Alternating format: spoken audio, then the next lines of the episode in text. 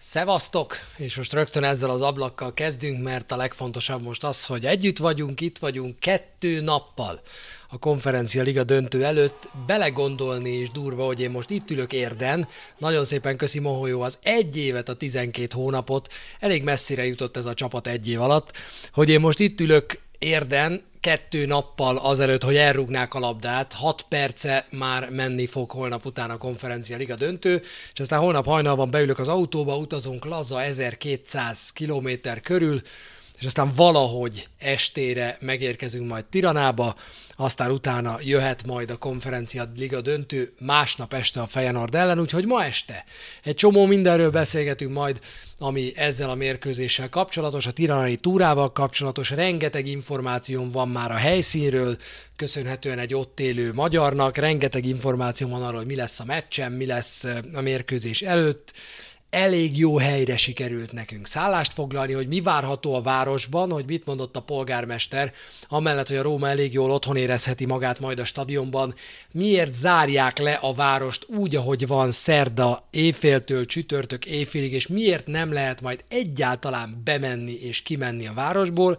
őrület lesz Tiranában. Őrület lesz Tiranában, 70-80 ezer Róma szurkoló lesz jelen, jó pár tízezer Fejenord szurkoló lesz jelen, és hát ezeknek egy töredéke mehet majd be a stadionba. Én abban bízom, hogy én köztük leszek. Egyelőre úgy tűnik, hogy megvan a jegyem, bár volt ma máshogy is, de úgy tűnik, hogy, hogy be tudunk menni majd a stadionba, és meg tudjuk nézni a mérkőzésen a konferencialiga döntőt, hogy helyettetek is üvölcsek, ahogy a torkomon kifér, mert egy dolgot ígérek meg mindenkinek, magamnak, nektek és mindenkinek, én üvölteni fogok. Tehát ülhet mellem, mellettem, mellem, ülhet mellettem a Rái vezérigazgatója, meg a holland, nem tudom, sportegynek az ügyvezető igazgatója, én akkor is Róma mezben üvölteni fogok, engem nem érdekel, hogy mi történik ott körülöttem, úgyhogy Forca Róma, vágjunk bele ebbe a ma estébe, az 59. Falka ösztönbe. Beszélnünk kell sok mindenről. Beszélnünk kell a Torino elleni 3-0-ról, beszélnünk kell arról, hogy egy ponttal végeztünk jobban, mint ahogy tavaly Paulo Fonszékával végzett ez a csapat.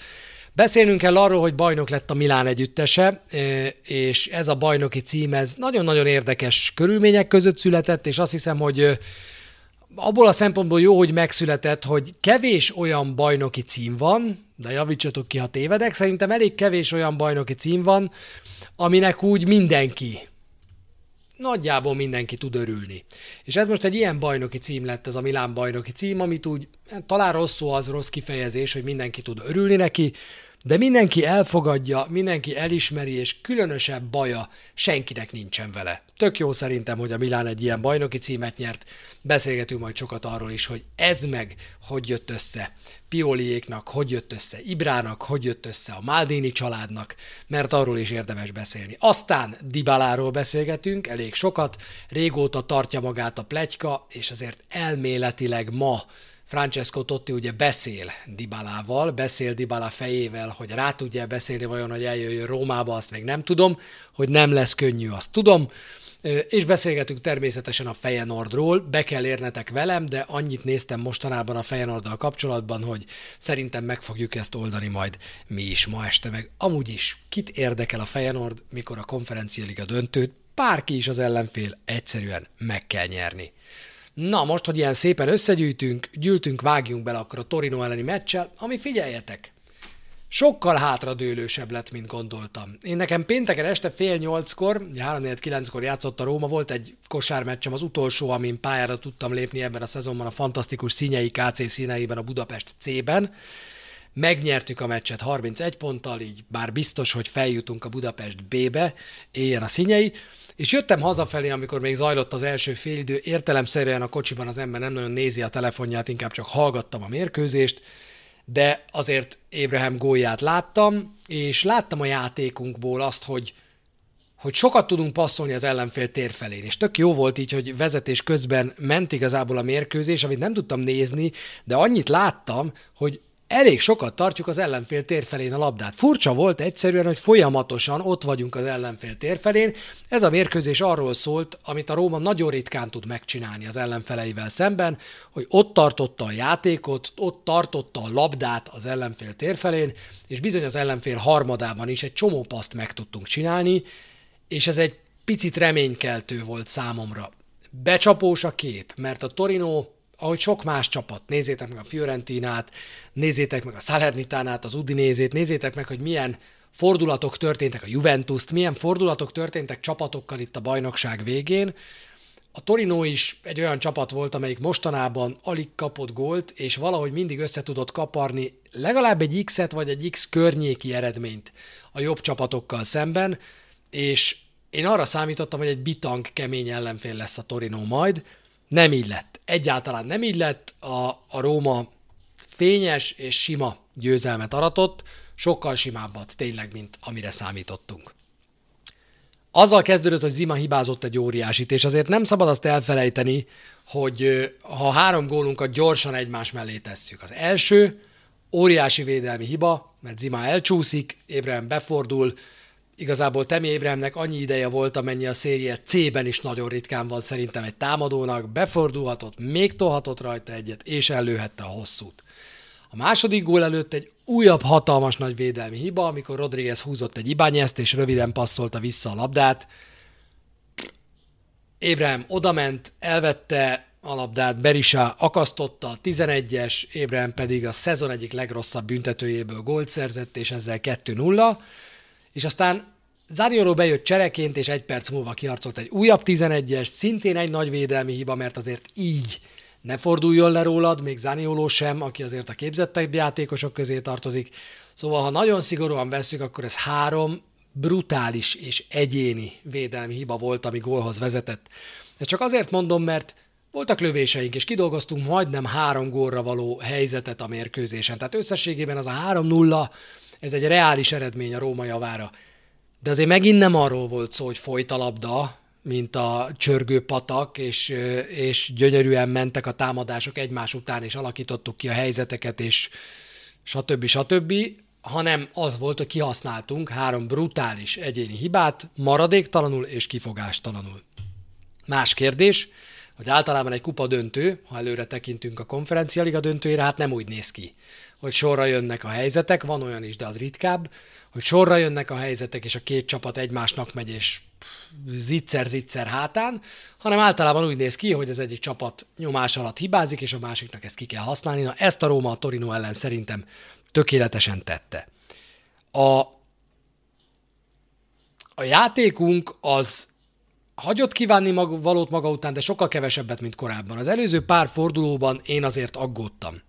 Az előző pár fordulóban én azért aggódtam, mert a Róma játéka egy nagyon fásult, nagyon fáradt csapatéra hasonlított, amelyik sehogy nem találja a játékát, sehogy nem találja a maga igazságát, sehogy nem találja azt, hogy hogyan kellene feltörni az ellenfél védekezését, egy ilyen fásult, gyenge támadójátéka volt a Rómának, sablonos, kiszámítható, nem, egyszerűen nem tetszett. Ezen a mérkőzésen frissebben mozogtak a lábak szerintem, és az meg magát a labdabirtoklást aztán az első gól után meghatározta, hogy a Róma vezetést szerzett. A Róma tudta, hogy gyors támadók vannak, lassú védőkkel, ugye Bremer ezen a mérkőzésen már nem játszott, mondta is neki Mourinho, hogy jöjjön hozzánk, spoiler nem fog, és jöttek a helyzetek, jöttek a gólok, méghozzá simábban, mint jönni szoktak. Rui Patricio pedig a 15. kapott gól nélküli bajnoki mérkőzését játszotta le, amihez azért két bravúrt be kellett mutatnia a mérkőzésen, amikor egy picit értékeljük, és ennek szerintem már eljött az ideje, amikor egy picit értékeljük a nyári átigazolási időszakot, az elmúlt nyári átigazolási időszakot, és megnézzük, hogy a Róma milyen játékosokat igazolt, és hány jött be, és hány nem jött be, akkor szerintem azért azt mondhatjuk, hogy Rui Patricio, Temi Abraham mögött a második legjobb igazolás, de ha árérték arányt nézünk, akkor szerintem Rui Patricio ennek a Rómának a legjobb igazolása. Mert az előző szezon 62 pontjában, az előző szezon rengeteg, rengeteg kapott góljában nagyon-nagyon vastagon benne volt az, nagyon vastagon benne volt az, hogy a Rómának nem volt egy épkézláb kapusa az előző idényben. Tehát az, hogy Paul López védte, ha védte a Róma kapuját, az nagyon-nagyon nem nézett ki jól. Az, hogy most elment, és a helyére érkezett Rui Patricio 12-3 millió euróért nagyjából, az, az egy nagyon-nagyon jó igazolás volt. Én egy picit tartottam tőle, mielőtt megérkezett, nem annyira tartottam magabiztos kapusnak Rui Patriciot, valamiért ez élt bennem, de az, hogy ez a csapat 15 góllal kevesebbet kapott, mint az előző szezonban, az nagyon-nagyon nagy mértékben, talán a gólok felében Rui Patriciónak köszönhető. Szerintem simán mondhatjuk, hogy 7-8 védése bőven volt olyan ebben a szezonban, amiből Paul López gólt kapott volna. Igen, a Benfica harmadik számú kapusa, Miles Villar, egy szerb kapus érkezett hozzánk, és éppen a héten lakásokat nézegetett már Rómában. Könnyű párhuzamot húzni egy nem sokkal korábbi római kapuscsere, és e között a római kapuscsere között, hiszen akkor is az volt, hogy Cseszni, akiről már sejtettük, hogy el fog menni, hogy elvágyódik a Rómából, nem a kora miatt, hanem mert szeretett volna máshova igazolni, bevállalta maga mögé Alissont, egy évig még ő védett, Alisson szépen cseperedett, és aztán utána Alisson el átvette a helyét, Chesney pedig távozhatott. Azt gondolom, hogy most is valami ilyesmi lehet a terv, tanulva abból, Rui Patricio marad, Rui Patricio még egy szezonon át szerintem biztos, hogy a Róma első számú kapusa lesz, és aztán elképzelhető, hogy szépen lassan, amikor Patricio esetleg a pályafutása végén már úgy vagy leülne a padra, vagy akár hazamenne Portugáliába védeni, akkor Svilár átveszi majd az ő helyét. Egy nagyon-nagyon tehetséges kapusról van szó, aki ugyanakkor a Benficában nem kap lehetőséget, Tiago Pinto tökéletesen ismerte a játékost is, a családi viszonyait is, a képességeit is, és azt hiszem, hogy az garancia, amikor, amikor Portugáliából igazolunk valakit. Úgyhogy Rui Patricio szerintem lehet ezzel vitatkozni, de ár-érték arányban azt gondolom, hogy a legjobb, a legjobb igazolása volt a Rómának ebben a szezonban, és ezt be tudta bizonyítani. Azok hozták emellett ezt a mérkőzést, akik hozták a szezont. Rui Patricio mellett, Temi Abraham és Lorenzo Pellegrini. Szerintem velük kezdődik a legjobbak sora ebben a bajnokságban ezzel a három játékossal, a középcsatár, a középpálya esze és a kapus. Ez a három játékosunk volt a legjobb a szezonban. Abraham harcolt, küzdött, akart, és szerintem nagyon jót tesz. Ugye pont a múltkor beszéltem róla, hogy én pihentetném már nagyon fáradt, már nagyon mindjárt megsérül, már nagyon rosszul néz ki. Urinyónak lett igaza, bár sokáig úgy volt a mérkőzés előtt, ha a híreket figyeltétek, hogy Soborodov fog kezdeni Abraham helyén, végül húzott egy váratlant Mourinho, és mind a ketten kezdtek. Ugye egy 3-4-2-1-et játszottunk, ahol Somorodov volt igazából mögötte a baloldalon, és jó döntésnek bizonyult az, hogy játszott Temi Abraham, mert egy pici önbizalmat szerzett azután, hogy hét bajnokin azt hiszem nem talált be a kapuba. A Torino védekezés az abszolút nem volt az igazi, sőt, nem csak akkor, amikor a góloknál hibáztak, hanem a mezőnyben is lehetett látni, hogy folyamatosan úton voltak. A játékosaik nem értek oda egy méterrel, fél méterrel, két méterrel lemaradtak, messze voltak az embertől, úton voltak a felpasszolt labdáknál, egyszerűen nem tudtak mit kezdeni, azzal, hogy ők már elvesztették a motivációjukat az utolsó fordulóra. És ezért mondom, hogy észnél kell lennünk, mert a következő mérkőzésünkön, az idény utolsó meccsén nem egy olyan csapat lesz az ellenfelünk, amelyik elvesztette a motivációját, hanem egy olyan, amelyik erre a meccsre gyűjtötte a motivációját. Egy valakit még szeretnék kiemelni, amellett, hogy teljesen igaza van Zolinak, hogy nagyon ment a Mester 3-asért Temi Ébrem, iszonyúan akarta, és lett volna rá lehetősége, csak El Saravi másképp gondolta, és inkább lőtt, mint passzolt.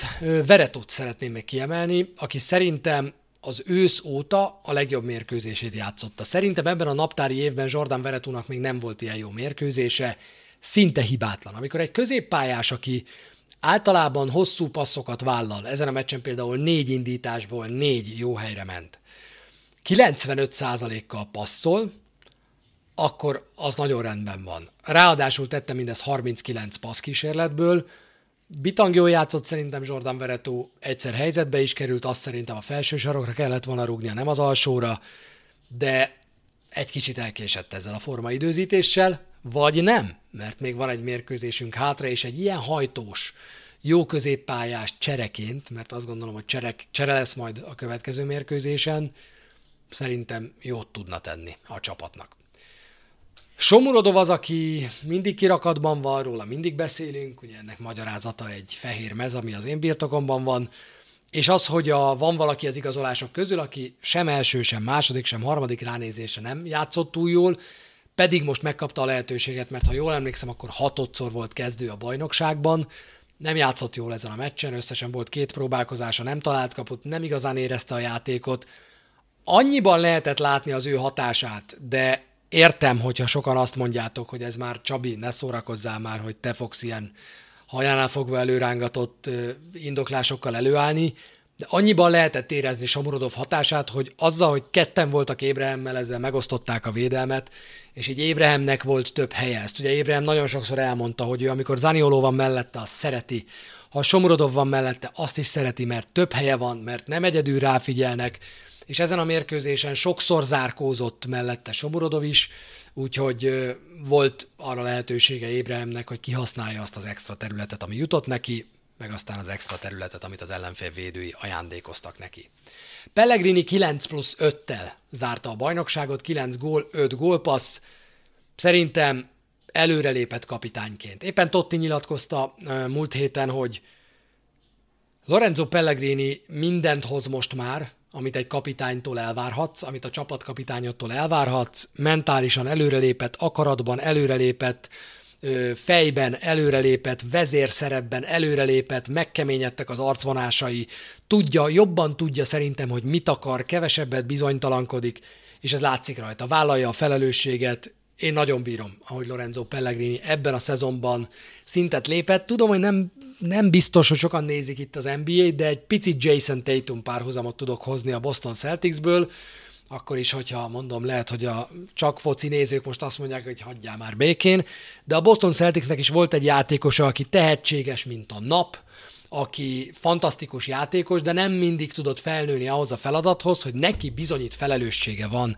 És éppen Cornél mondta azt a heti eljúbban, hogy Tatumnak igenis, akkor is, amikor 3 per 14-et dob, akkor is vállalnia kell a 15-et is, meg a 16-at is, és Pellegrini is ez a játékos kell, hogy legyen a Rómában, akinek, hogyha nem mennek a passzok, a hosszú indítások, a beindulások, a lövések, akkor is el kell vállalnod a következőt is. Miért? Egészen egyszerűen azért, mert te vagy ennek a csapatnak a kapitánya. Utánad fognak menni a többiek, tehát neked ott kell lenned elő, akkor is, ha nem megy a játék. És szerintem az a Pellegrini, aki tavaly játszott, ilyen esetekben sokkal többször bizonytalanodott el, az a Pellegrini, aki idén játszik, ő pedig az első perctől az utolsóig, lásd a Venécia elleni mentése, elképesztően hajt, elképesztően akar, és soha a büdös életben nem adja fel.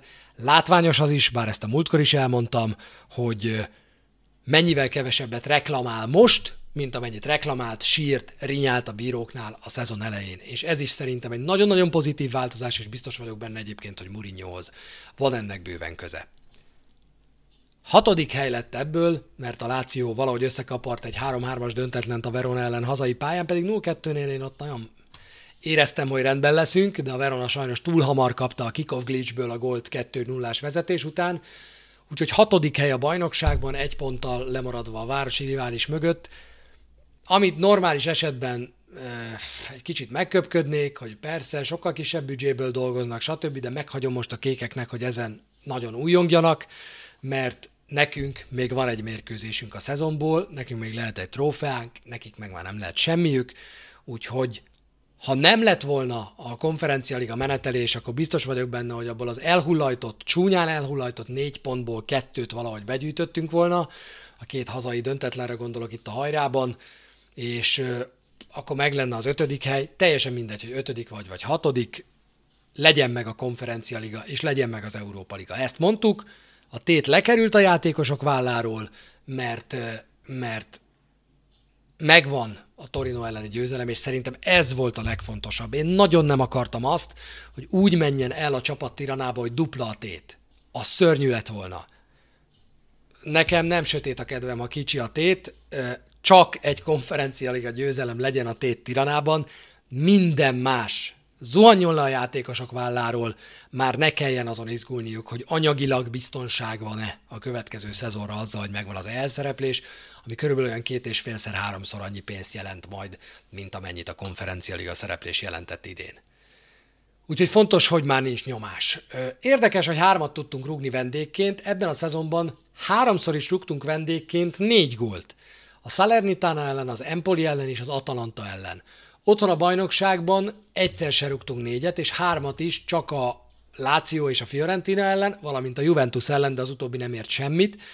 Úgyhogy ez a csapat idegenben többször kiszakította a pofonzsákot, a gólzsákot, mint hazai pályán. Ebből a szempontból azért, azért hazai pályán maradt egy kis maradt egy kis tennivaló még a következő szezonra, egy-két ellenfelet lehet, hogy jobban meg lehet szórni. Plusz egy pont. Ez tehát a csapat teljesítménye tavalyhoz képest, de mondom, ebben most sok maradt, nincs arról szó, hogy Fonszéka jobb volt, Mourinho meg gyenge, igen, tavaly is volt egy Európa Liga elődöntő a Manchester United ellen, idén meg lett egy konferencia liga döntő, de aki azt mondja, vagy írja, hogy Fonszéka mennyivel jobb munkát végzett, az, annak fogalma nincsen a Róma szezonjáról, fogalma nincsen a nyári változásokról. Vannak ilyen mantrák, amit nagyon-nagyon sokan szeretnek mondani már a szezon eleje óta, ez a mennyit költött a Róma. Annyi embernek beakadt ez a 100 millió euró, egyszer nem tudom kiverni a fejükből, hogy közben nézzétek már meg a fizetési tömeget is, meg nézzétek már meg, hogy mennyi pénztől szabadultunk meg, hogy a középcsatárunk fizetését lefeleztük, hogy Jékohoz képest Ébrehem a felét keresi, tehát nézzetek már utána egy picit, hogy mi történt a Rómával, és ne kapaszkodjatok bele egy számba, nézzétek meg, hogy hány fiatalt épített be a bőkeretbe Murinyó, és hány fiatalt épített be a kezdőcsapatba, vagy az állandóan játszó keretbe Murinyó, de hát vannak ezek, akik ezeknek sose fognak utána nézni, ők hadd mondják, hogy Fonseca milyen szuper volt, Mourinho meg milyen szar, mi meg nyerjük meg a konferencia liga döntőjét. Egy valami biztos, a BL szerepléshez ezt tudjuk Tottibor vendégszereplése óta, két pont kell átlagban meccsenként. Na ettől nagyon messze voltunk. 1,66 század pontot gyűjtött a Róma mérkőzésenként, a 63 pont helyett ahhoz, hogy az elmúlt idények alapján szinte tutira meglegyen a bajnokok ligája szereplés, ez nem a gyomrom volt, hanem a mosogatógép, ahhoz 76 pont kellene. Tehát 13 ponttal kellene biztonsággal a BL helyre megszerzéséhez biztonsággal többet gyűjteni. Nagyon nehéz lesz, ez egy bitang nagy. Ha valaki eljut 63-ig, onnan a 76, az egy hatalmas nagy lépés, de Tiago Pinto egyet ígért, ez a csapat, ez a keret augusztusban erősebb lesz, mint amilyen májusban. Abban bízom, hogy be fogják váltani az ígéretüket, és ez így lesz. Úgyhogy mostantól arccal megyünk az Európai Konferencia Liga felé, és már nem nézünk hátra. Beszéljünk viszont arról egy picit, hogy nem csak a Róma számára fejeződött be a bajnokság, hanem mindenki számára befejeződött a bajnokság, és a bajnok 2021-22-ben a szériában gratulálok minden itt lévő és a Falka ösztönt hétről hétre hűségesen követő Milán szurkolónak. Ez egy gyönyörű bajnoki cím. És tudom, hogy én magam sem hittem el, hogy ezt a Milán végig fogja vinni, és éppen ezért mondom azt, hogy ez egy elképesztően nagy bajnoki cím. Erre hihetetlenül büszke minden Milán szurkoló, ismerősöm, barátom, rokonom, még az is van, mert, mert talán a Milán szurkolók sem hitték el egy ponton, hogy ezt végig lehet vinni. Ja, akkor, amikor a Milán a 25. forduló környékén átvette a vezetést, úgy tűnt, hogy ez egy picit korán van. Hogy a két csapatnak a bajnokság hajrájában annyira különböző lesz a programja, hogy nem biztos, hogy a Milán tudja majd tartani a lépést az Interrel. És aztán mentünk előre a fordulókban, és ahogy megvoltak a, az eredmények, és, és, a, és a Milán legyőzte az Intert a derbin, de még mindig csak ilyen pár pont különbség volt, és az Inter elkezdett felzárkózni, akkor, akkor azt gondolta az ember olyan hat fordulóval a vége előtt, hogy hát nem létezik, hogy még egyszer ne botoljon meg ez a Milán. Az Inter meg ránéztünk a sorsolásra, hát nem biztos, hogy megfog. És akkor volt az a bizonyos Bologna elleni mérkőzés, ott is azt mondja, hogy azon múlt a Scudetto, azon is múlt a, az Inter Scudettója. Múlt egy gyengébb Lautaro Martinez időszakon, aki decembertől áprilisig csak két meccsen tudott gólt szerezni a bajnokságban, ekkor előzött vissza a Milán, és múlt azon, hogy a végén az Inter sokat botlott, a vége felé az Inter sokat botlott. De az, hogy az utolsó hat fordulóban a Genoa, a Lazio, a Fiorentina, a Verona, az Atalanta és a Sassuolo ellen úgy játszott le a Milán hat mérkőzést, hogy egyetlen egy alkalommal sem veszített pontot. És amit nem sokszor említenek, de ha jól emlékszem, mert ezt nem írtam fel, de az utolsó 11 meccsen, 11 meccsen, kettő gólt kapott a Milán. Hogy egy bajnoki hajrában, ahol nehezebbnél nehezebb ellenfelek jönnek szembe, hogy ezt meg tudod csinálni, és aztán az utolsó fordulóban elmész a Sassuolohoz, annak a terhével, hogy azért volt mázlid a szezonban. Volt, hogy úgy pattan neked a labda az utolsó percekben, hogy másnak nem. Érezted azt, hogy azért több pontot gyűjtöttél, mint amennyire feltétlenül a teljesítményeddel rászolgáltál, és el kell most menned Dionésziékhez, akik hány csapatnak kifújták már az orrát a Mapei stadionban. Sima 0-3. Probléma nélkül, magabiztosan, egy másodpercig meg nem remegve, a Milán oda megy, és még egyszer megcsinálja. Olyan hihetetlen munkát végzett Stefano Pioli ezzel a csapattal. Annyira mindent a helyére rakott, és annyira jó az, hogy ott volt Zsiru, aki húzta ezt a csapatot becsülettel, és Zsiru a második bajnoki címét nyerte pályafutása során. Az elsőt még Franciaországban nyerte. És, és ott volt Ibrahimovic, aki az egész szezonban alig tudott segíteni.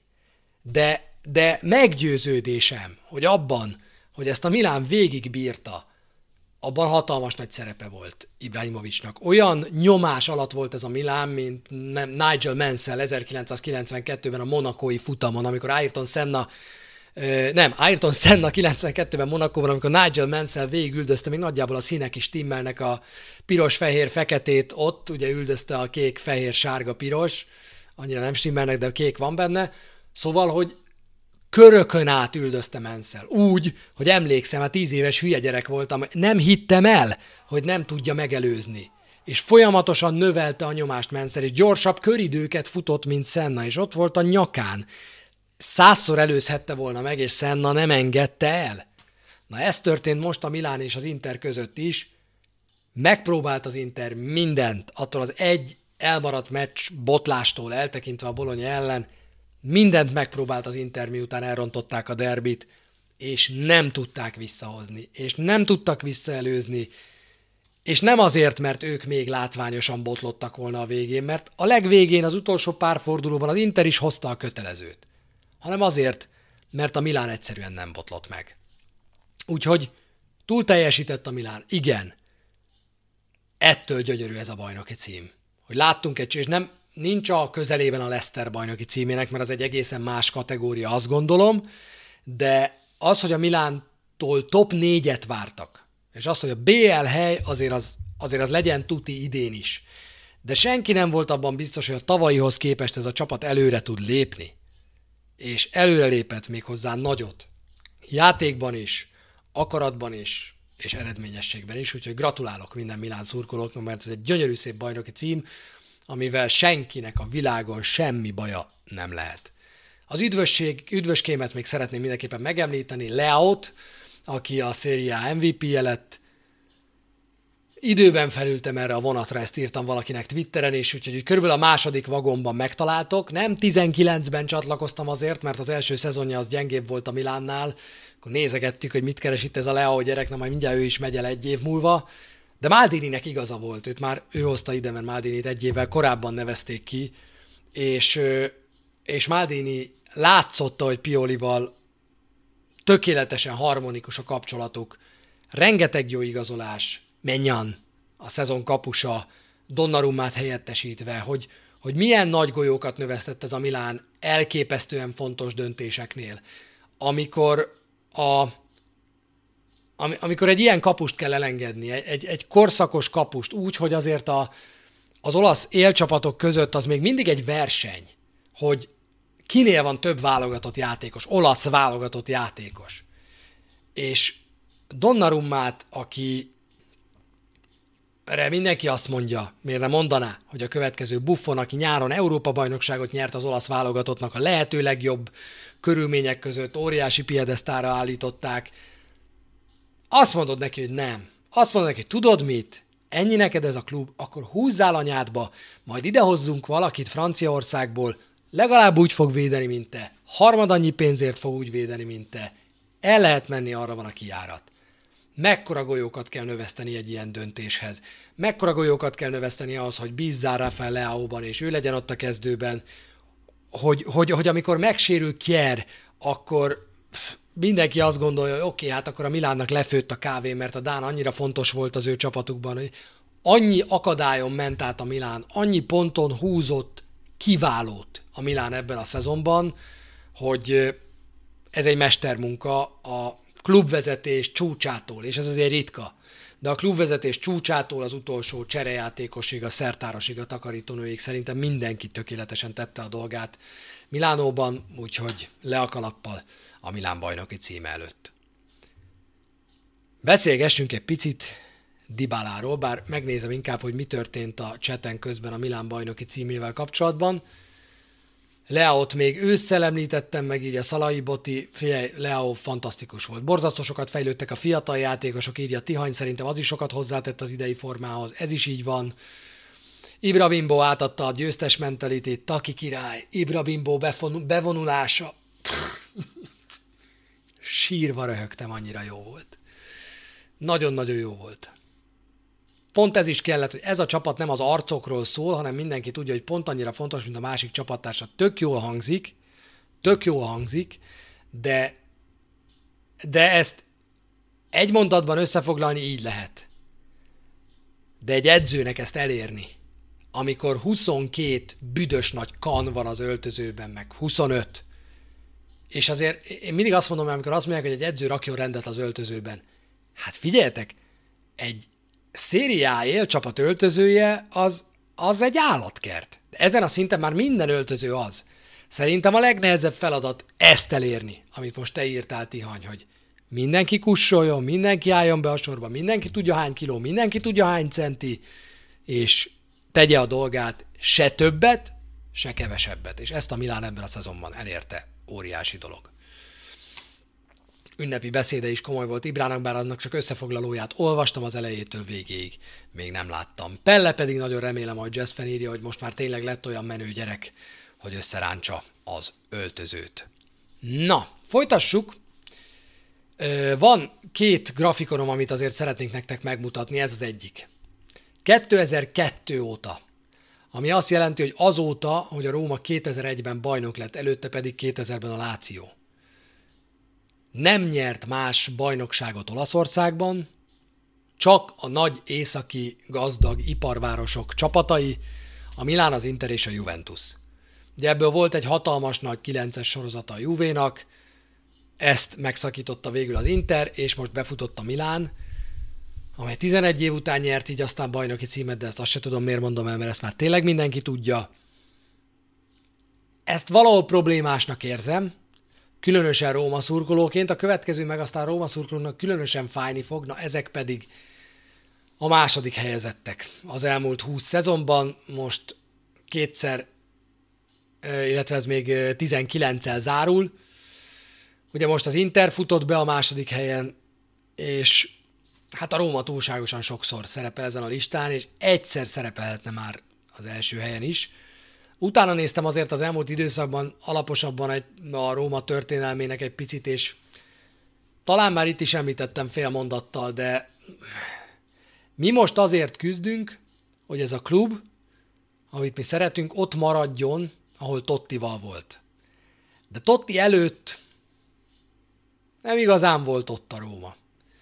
Inkább ez a nyolcadik, kilencedik, hetedik, hatodik, tizenegyedik hely jutott a Rómának általában, úgyhogy nem könnyű a top 4-be tartozni, mert ez a három csapat, azért is mutattam meg ezt a táblát, mert annyival több pénzből tud gazdálkodni, hogy nem lesz könnyű oda visszaverekedni magunkat, de amiben lehet bízni az az, hogy azért változtatásra minden csapatnál elismerten szükség van. Szerintem a három élcsapatból most a Milán van a legjobb állapotban, az Internél fájni fog egy picit a fiatalítás és a költségek meghúzása. A Napolinál fájni fog Insigne távozása, és lesz esélyünk arra. A Juventus pedig újraépíti magát, de amíg Pogbákkal teszi ezt, addig azért olyan nagyon-nagyon nem kell félniük. Van most esélyünk. Még azt gondolom, van egy-két év esély csatlakozni ez a top 4-hez, de ezt most kell meglépni, most kell befektetni, ha úgy tetszik, ebbe a csapatba. És ha már befektetés, akkor beszélgessünk egy kicsit Paulo Dibaláról, mert az elmúlt egy hétben egyetlen egy átigazolási pletyka tartja magát, az, hogy ő esetleg a Rómához igazol. Sok írás született erről, sok podcastben beszélgettek erről, sok vlogban beszélgettek erről. Tudjátok, hogy azért szeretek a realitás talaján maradni, és ezért én nagyon sokáig ellenálltam. Tehát én úgy voltam, hogy nem vagyok hajlandó ezzel a plegykával foglalkozni, mert úgysem lesz belőle semmi. Mi okozta a változást? Természetesen az, amikor Francesco Totti azt nyilatkozta a hétvégén, hogy majd ő beszél ma este, hétfő este Dybala fejével és hogy megpróbálja elhozni Rómába. Akkor kezdtem el komolyan gondolkozni azon, hogy azért ez a Totti, ez annyira nem hülye gyerekám nyilatkozatok szintjén, hogyha ő mer erről beszélni, akkor elképzelhető, hogy itt van valami a háttérben. A realitása ennek talán a múltkor 5%-ot mondtam. Szerintem ez nem változott. Megnézve a számokat, olyan fizetésre kellene igent mondani a Dibalának, amire szerintem nem fog, és megnézve Mbappé irgalmatlan díljét a Paris Saint-Germainnel, szinte biztos vagyok benne, hogy nem fog Rómába igazolni. De azért pár érvet gyűjtöttem, hogy miért igen és miért nem. Az első hatalmas nagy kontra az az anyagi kérdés. Dybala fizetése a Juventusnál 7,1 millió nettó volt, ami 13,5 millió bruttó. Dybala már nagyon régóta játszik Olaszországban, és éppen ezért rá a kedvezményes adózás már nem vonatkozik. Akkor, amikor az Európai Unión kívülről igazol valakit egy olasz csapat, azt azért teheti meg viszonylag jutányosan, és ennek mi nyertesei vagyunk, mind José Mourinho, mind Temi Ébrahim esetében, mert van egy olasz törvény, ami azt segítené, hogy jöjjenek munkavállalók külföldről Olaszországba, és ezért az első három évben, miután megérkeznek, kedvezményes adózás alá esnek. Ez azt jelenti, hogy Temi Ébrahim nettó 4,5 milliós fizetése a Rómának bruttó 5,9 millióba kerül. Még egyszer mondom, Dybala jelenlegi Juventus fizetése nettó 7,1, ez bruttó 13,5 millió euró. A Juventus ennél többet kínált, és Dybala erre nemet mondott. Két dolgot nem tudok elképzelni. Az egyik, hogy Dybala a Rómának ennél kevesebbre igent mondjon.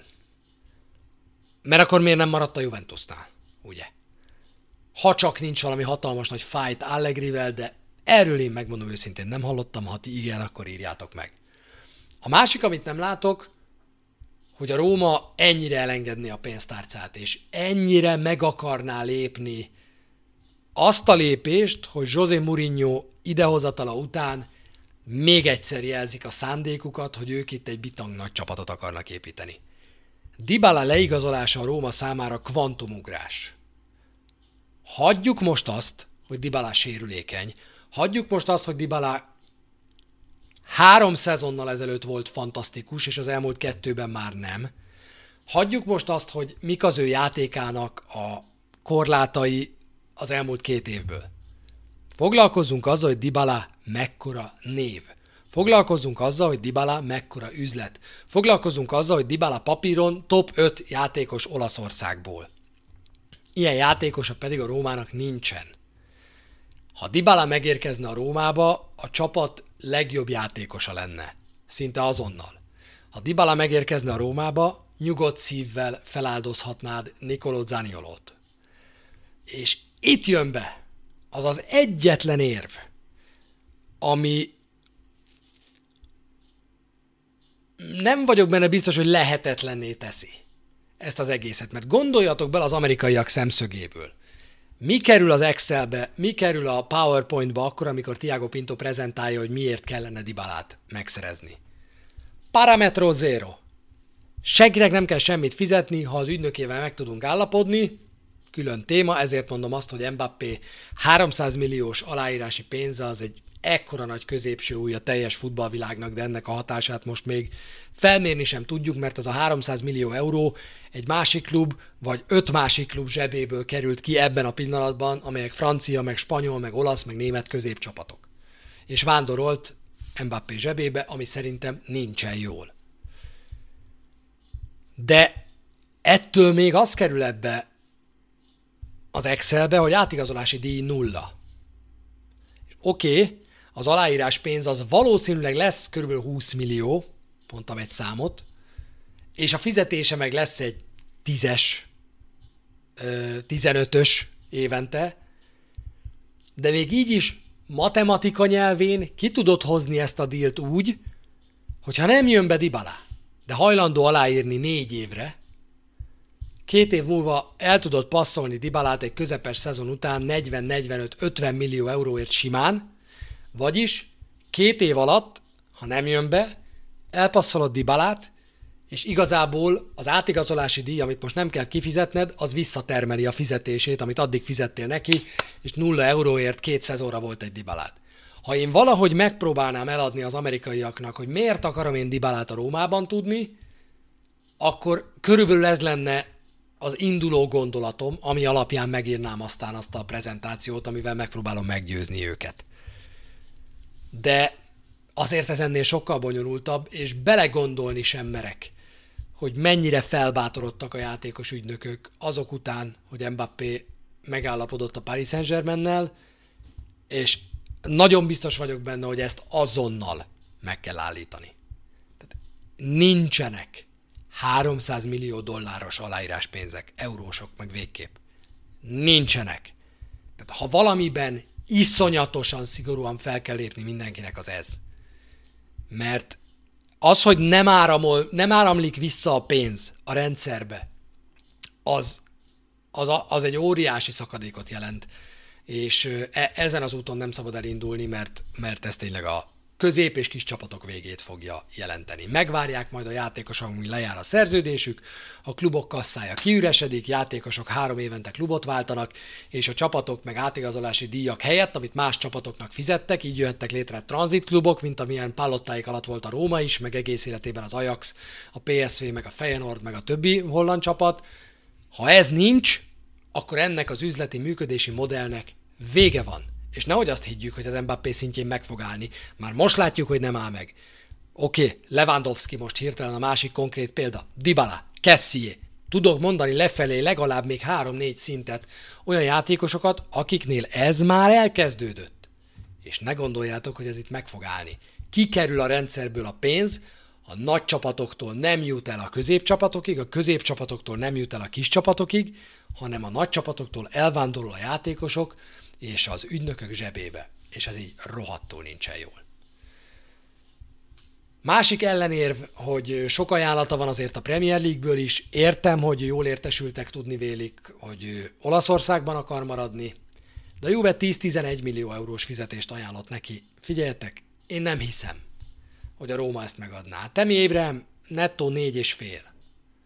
11-jel behozol egy dibalát az öltözőbe, Nemanja Maticot nem akarja aláírni ingyen a Róma másfél millió eurós fizetéssel azért, mert azt mondják, hogy 34 éves? Na ezen gondolkodjál még egy kicsit hozzá fiatalabbat? Mondja Tiago Pintónak Dan Friedkin. Nem írom alá öreg. Túl öreg. Azt mondtam, hogy fiatal csapatunk lesz. És oké, okay, a Római idén a második, harmadik legfiatalabb játszókeret, és vannak fiatalok, akiket még be akarunk építeni, mint Zalewski, Bove, és Zanioló sem túlságosan idős még, de nem 34 éves játékosokat fog igazolni a Róma, olyanokat se igazol másfél millió euróért.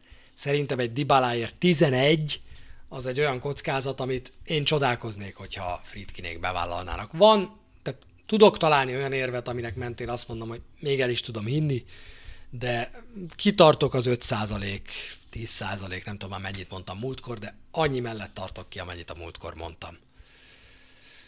Na, mit gondoltok Dibaláról? Nézzük azokat a kommenteket. Most ilyen szaggatott kommentes időszak van. 30 éves lesz, és nem az a makkegészséges csávó, biztos el lehet majd adni ide ilyen jól. Igen, ebben neked igazad van, 32 évesen már nem adsz el 40 millióért. Ez valóban így van, de mondjuk a 30 az még úgy szódával talán elmenne. Nem vagyok benne biztos, hogy nekünk Dibalára van szükségünk, akkor sem, hogyha, hogyha ennek a Rómának erősítés kell. Azt mondja, hogy ennek már vége van, a Man City-t, PSG-t már rég meg kellett volna folytani, de az UEFA valamiért félrenéz. Spinazzola bekerült az olasz keretbe. Na de gratulálok neki, és egy valamit elfelejtettem mondani a Milán bajnoki címe kapcsán. Hát Mirán te? Hát Mirán te bajnok lett. Másodszor. Felnőtt pályafutása során. Először tudjátok mi volt. Aki először írja meg a chatbe, hogy hol volt először bajnok Mirante, az óriási nagy tapsot kap a mindenkitől, meg mosolygós Mourinho, meg Totti fejeket. Na, Juve, Juve, na de hol? De milyen osztályban? Milyen osztályban? Nem az a lényeg, hogy Juve, az is oké. Okay. De nem volt még szériás bajnoki címe. A másodosztályban bizony Tihanynak, Jazzfennek, M. Csabinak is igaza van, meg Papesznak, V. Barninak úgy van. Széria B, egy pacsi Forza Roma papítónak, aki beírta, hogy Széria C. Igen, szóval 2007-ben a kizárt Juventus, amikor megnyerte a bajnoki címet a Serie B-ben, akkor volt ott Antonio Mirante. Én nagyon örülök Mirante bajnoki címének, sokat köszönhetünk Miranténak, és, és igen, igen, Mirante az szuper, Florenzi bajnoki címének is egyébként én még mindig tudok örülni, menjen el a Milánban 4-5 millió euróért, aztán viszontlátásra. Dybala 28-29 lesz, de hát az már közel a 30-hoz. Az már iszonyú közel van a 30-hoz egy sérülékeny játékost 30-31 évesen 40 millióért nem adsz el, ebben igazok van azoknak, akik a csetre írtak. Ha csak nincs bomba formában. Kám már mondta, hogy nem véletlenül fog kelleni jövőben nekünk is meggondolni, mert stabilan kell tartani a klubot pénzügyileg. Hát figyelj, ez az új, ez az új mantra, hogy mindenki stabilan akarja tartani a klubot pénzügyileg. Mindenki erről beszél. Tirana. Beszélgessünk Tiranáról, mert most már csak erre van idő. Kezdjük a Fejenorddal, az ellenféle, aztán utána beszélgetünk a túráról. A Fejenord egy jó csapat. A Fejenord harmadik helyen végzett a holland bajnokságban. Magabiztosan végeztek a harmadik helyen, nem volt esélyük a bajnoki címre, a végén nem volt esélyük a második helyre sem, az utolsó pár fordulót azt egy ilyen légüres térben játszották le, pontosan tudták, hogy bronzérmesek lesznek.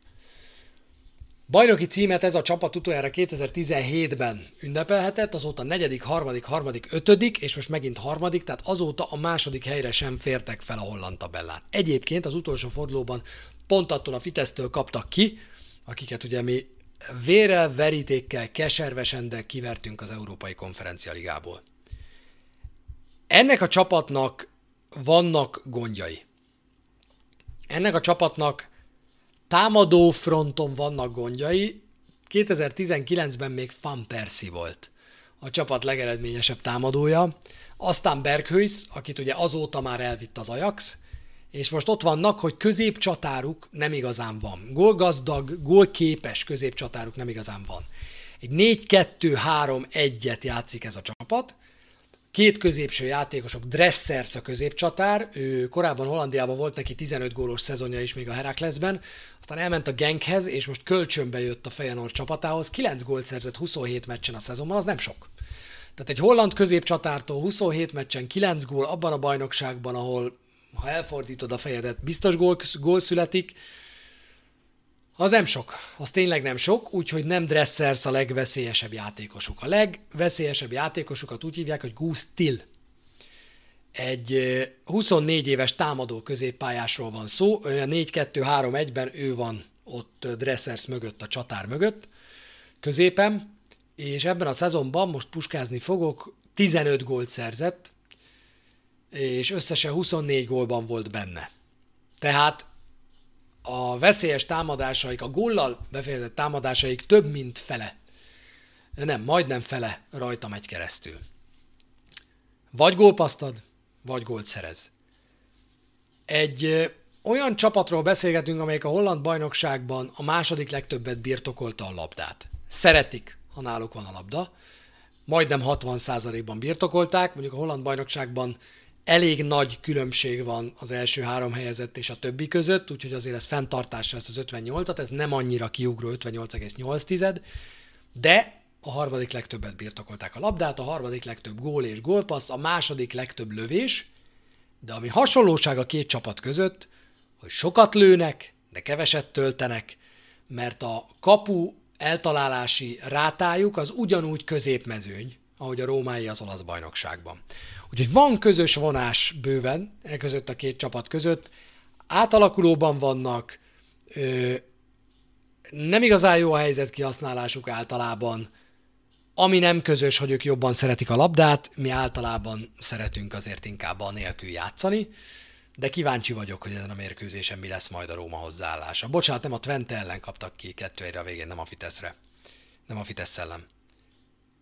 Az alapembereik játszottak, egy héttel több ideje volt ennek a Feyenoordnak, mint a Rómának, mert ők már egy héttel korábban, május 15-én befejezték a holland bajnokságot, és így aztán, és ezt sokszor mondta Mourinho is a nyilatkozataiban, hogy, hogy több lehetőségük volt a pihenésre, ezért is játszottak az alapemberek az utolsó fordulóban is, és a legtöbbjüket csak, csak lecserélték. Kicsit megy a Mind Games, egyik védőjük Senesi, akit a Róma szeretne megszerezni állítólag, egy kicsit ilyen Sulbackerre hasonlító ö, átigazolási pletyka ez, amiről nyáron ki fog derülni, és én nagyon kíváncsi vagyok rá, hogy a, hogy a, már el is felejtettem a nevüket, a, várjál, ja igen, Bodög Limt esetében ö, Sulbacken és a Fejenord esetében Senesi, ez ilyen másszunk bele a fejükbe egy picit stratégia, vagy tényleg bármelyikük leigazolását komolyan gondolja Tiago Pinto. Arne Slot az edzőjük, egy meglehetősen fiatalnak mondható 43 éves vezetőedzőjük van, az első Európai Kupa döntőjét vívja majd meg, nem úgy, mint a mi edzőnk, José Mourinho, aki a sokadikat, és eddig mindet megnyerte. A három selejtező körbe jutottak be egyébként a konferencia ligába, a Szláviával kétszer is összefutottak, egyszer a csoportkörben, a Szlávia Prahával, egyszer pedig a, az egyenes kieséses szakaszban. Maccabi Haifa, Slavia Praha, Union Berlin voltak a csoport ellenfeleik, otthon százszázalékosok voltak, idegenben nem nagyon szeretnek menni, és ez a bajnokságra is. Igaz volt, az edzőjük is beszélt arról, hogy abban még van fejlődni valójuk, hogy mennyire szeretnek kilépni Rotterdam végetábla után azért vannak, vannak problémáik. Egy picit mindenkit elkap a rosszul, ki kell osztani a dedalont a buszon. Három selejtezőkörön át jutottak el a konferencia ligába, és ott egyébként a vége felé már kifejezetten jól játszottak és kiegyenesedtek. Ők lesznek az ellenfelek, nem verhetetlenek. Azt gondolom, hogy nekünk a, a holland bajnoki harmadikat normál körülmények között le kell tudni győzni. Biztos, hogy sokat foglalkoztunk az ellenfél feltérképezésével, és remélem, hogy ezt eredménnyel tettük. Minden megvan a tiranai túrához. Minden megvan ahhoz, hogy ez a tiranai túra elképesztően emlékezetes legyen, már csak a mellettem sorakozó mezek közül ki kell választani azokat, amelyek jönnek velem. Egy fehér, két bordóra fogok szavazni, mert elméletileg a Róma a hazai csapat, úgyhogy szerintem Bordóban fogunk játszani, bár ezt majd megnézem. Szerintem ez lesz a meccs szerelés. Ez úgy, ez úgy adja, szerintem. A Mazda küldhet egy kocsit. De a többit majd meg meglátom, szerintem Somurodót elviszem magam, majd legyen nálam egy friss is városi sétához, hát ha leszólít pár üzbék haver, és fizet nekem egy sört, és aztán még egy bordót a honom alá csapok, és ezzel megyünk el Tiranába. Ez egy 1200 kilométeres út lesz autóval, viszem a kis kamerámat, mindent rögzítek majd, és igyekszem egy úti filmet hozni nektek. Remélem, hogy, hogy lesz energiám, időm, kedvem, meg a többieknek is kedve egy kis forgatósdihoz. Négyen megyünk összesen, úgyhogy óriási lesz a buli. Úgy alakult ez a tiranai túra, hogy először én ezt egyedül is bevállaltam volna, az elég nagy hülyeség lett volna, de aztán megtelt az autó, és négyen leszünk, és először, ahogy meséltem nektek, a városon kívül foglaltam szállást. Aztán jelentkezett egy srác, aki hallgatja a karanténkasztot, hogy Hallotta, hogy megyünk, és ő ott él már egy ideje, és nagyon szívesen segít. És az ő segítségével változtattam szállást, ő keresett nekünk egyet, ami egy picivel drágább, de ben van a városban, mert azt mondta, hogy ez nem túl jó környék, ahol én foglaltam az eredeti szállást, és aztán kiderült, hogy csütörtökön, múlt hét csütörtökön bejelentette a polgármester, hogy az egész várost hermetikusan lezárják szerdán. Miért? Azért, amit mondtam, mert 80 ezer, 100 ezer szurkoló érkezik meg a városba, úgy, hogy nem mindenki mehet be a stadionba, sőt, az érkező 100 ezer fő nagy része nem mehet be majd a stadionba, és meg kell próbálniuk valahogy rendet tartani, úgyhogy autóval szerdán a lábadat be nem tehetett Tiranába. Száz ezer ember érkezik egy olyan városba, amelynek az összlakossága beleszámítva a környékbeli településeket is 557 ezer. Erre még rájön egy jó 20%-nyi ember, meg fogja bénítani a várost, úgyhogy még jó is, hogy Tiranában fogunk lakni már, mint hogy a központban, mert bemegyünk remélhetőleg holnap kora este, amikor megérkezünk, jó hamar indulunk, és, és minden szuper lesz onnantól, föl se vesszük az autót csütörtök hajnalig, amikor elindulunk haza. A szállásfoglalás az jól sikerült. Nem ez a legszebb rajz, amit valaha láttatok egy oldástól, de ezt én rajzoltam. Ö, itt van a szállásunk, amit láttok egy, itt van egy tó, amit láttok igazából középen, meg egy park, és annak a baloldali csücskében, a keleti végében van egy piros pöty, na ott van, ami az a piros fordított csepp, az a piros kis pont, az, ami szállásunk. Az, ahova be van rajzolva fölülre egy nyíl, jobbra mutató nyíl, és fölé van írva másodikosnak sem nevezhető írással, hanem ovis középső csoportossal, hogy stadion, na ott fogják játszani a meccset, és képzeljétek el, hogy már egy picit utána olvastam, hogy hol van gyülekező, meg hol vannak a szurkoló táborok, és a Fejenord tábor észak Tiranában kapott elhelyezést, valahol itt, és a Róma tábor, a Róma szurkolói zóna pedig ebben a parkban lesz, ahol lakunk. Úgyhogy ennél jobb helyre nem tudtunk volna menni, helyben lesz minden, közel lesz minden, és én bízom benne, hogy nem egy hihetetlenül fárasztó, nehéz út lesz, egyébként az lesz, csak bízom benne, hogy kárpótol majd minket egy elképesztő nap, és egy elképesztő mérkőzés szerdán, ami után hazajönni pedig hatalmas nagy érzelmi túlfűtöttségünkben már egyáltalán nem fog problémát jelenteni. Na ennyi voltam én mára, ez volt a mai Falka Ösztön. Még gyorsan ránézek a csetre, hogy mit vártok ti a tiranai túrától. Nagyon szépen köszönöm a sok jó utat, kívánást. Természetesen kiabálni fogok majd, ahogy a torkomon kifér mind a 200-unk nevében, akik most kb. úgy itt vannak. Ez a tiranai túra egy rohadt nagy káosz lesz szurkolói szempontból, egy sima bajnokit nem tudnak botrány nélkül megoldani. Én úgy tudom, hogy észak-dél választóvonal lesz. Róma szurkoló nem teheti be a lábát északra, Fejenord szurkoló nem teheti be a lábát délre. Nagyon-nagyon-nagyon kemény lesz. Nem esik nagyon szó róla, de Fritkinék szépen lassan felvásárolják a Róma részvényeket a piacról. Ez előre vetíti a klub tőzsdéről való kivonását, érdekes utóélete lesz a dolognak. Tök jó, hogy ezt felhoztat Hispán. Valóban ez van, hogy százezresével vásárolják vissza a részvényeket Fritkinék, és nem csak előre vetíti, hanem egyértelműen előre kijelentett cél az, hogy a Rómát ki akarják vonni a tőzsdéről. Tehát teljes tulajdonjogot akarnak, és nem akarják a tőzsdén tartani az AS Róma együttesét, Mm, én azt gondolom, hogy történelmileg nem is jó ötlet egy futballcsapatot ö, tőzsdén nyilvántartani. Annyira függ az eredményektől, a hangulattól, hogy ez egy, ez, ez, ez egy nehéz ügy, szerintem.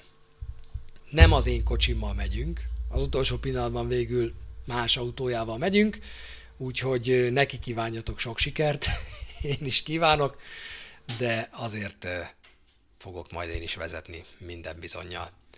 Címlapra azért ne kerülj valami autón ugrálva. Pff, én azt se bánom, Ákos. Én azt se bánom.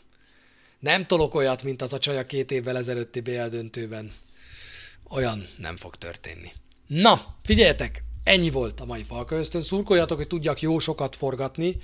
Azt tervezem, hogy már holnap reggel a kocsiból indul a forgatás, és ilyen naplószerűen számolok majd be, hogy pár óránként leülök, elmesélem, hogy mi történt, és aztán alá teszem majd azokat a képeket, amiket közben vettem föl, és nagyon remélem, hogy jövő hét hétfőre meg lesz majd a következő Falka Ösztön, jövő hét hétfő este 9, és bízom benne, hogy addigra összeáll az útifilm. Ha összeáll, akkor azt itt láthatjátok majd élőben először, és utána itt szépen meg is beszéljük. Úgyhogy köszönjük, hogy itt voltatok, remélem élveztétek ezt az 59. Falka ösztönt, jövő héten jön a 60 és azt követően is lesz még egy, a 61 ami pedig a teljes szezon értékelése lesz majd, persze, a Róma szempontjából.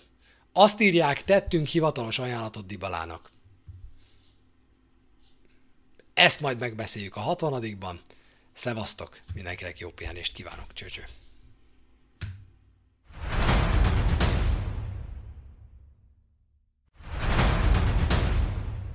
Állj, nem menjetek sehova. Nem menjetek sehova. Tettem egy tök felelőtlen ígéretet, és amilyen bunkó vagyok, nem váltottam be. Nem váltottam be az ígéretemet, most befogom. Várjál, várjál, Ákos, nem menj sehova. Szóval nem lehet egyedül nézni Róma meccset. Éppen ezért a héten megkerestek engem nagyon sokan, hogy egy csomó helyen Magyarországon szerveznek közös... Mi van, bingot tettem ki véletlenül? Nem.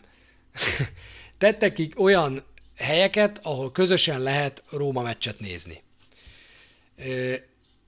Úgyhogy most, ha megtalálom ezeket, már pedig meg fogom találni ezeket, akkor szépen elsorolom nektek, hogy meze, melyek ezek a helyek. Több városból is érkezett levél, hogy ott is lehet majd közös meccsnézésre menni. Ugye a mérkőzés szerda este 9 órakor kezdődik majd, és bízom benne, hogy mindannyian ott lesztek és nézitek. Szerintem ezt a meccset, ezt már múltkor is elmondtam, szerintem ezt a meccset senki ne nézze egyedül, mert ezt a meccset talán még én sem nézném egyedül, hogyha ha itthon lennék, és nem a helyszínen. Na, azért húzom ennyire az időt, mert a Habakuk volt az első, az biztos, akik írtak nekem, hogy náluk lehet nézni, úgyhogy oda is lehet szépen asztalt foglalni és menni, ha még van hely. Azt a Herceg Bendegúz írta, hogy az Itzerben is lesz közös meccsnézés. Írták, hogy Győrben is van egy közös meccsnézés, a Panoráma Győr, mindjárt bemásolom nektek gyorsan a linket a chatbe, ahol szintén várnak titeket szeretettel, úgyhogy Győri AS Róma szurkolók is nyugodtan mehetnek. Ott a link, ahova Győrbe lehet menni, és írta azt is Tolner Gyula, hogy egy csomóan kint lesznek Rómában, és erről még nem is beszéltünk, hogy 47 ezer jegyet eladtak most már a közös meccsnézésre az olimpikóba. Úgyhogy ha még mindig úgy vagytok, hogy én elindulok bárhova is, ahol van egy közös jó meccsnézés, de nincs egyem Tiranába, még mindig kiautózhattok Rómába, vagy kirepülhettek Rómába, mert az olimpikóban 47 ezer jegyet már eladtak a közös meccsnézésre, de ott még van, ott még van ö, hely, úgyhogy oda lehet menni. Na, körülbelül ennyien írtak nekem. Az Magyar Ász Róma Szurkolói Egyesület szervez meccsnézést az Itzerben, 25-én este 8 órától van gyülekező, 25 fővel indult a dolog, de már pénteken írta Zsohár Attila, hogy 50-nél jártak már akkor a szervezéssel. Úgyhogy ők írtak nekem, menjetek, nézzetek meccseket, hú de jó, hogy ez eszembe jutott. Szevasztok!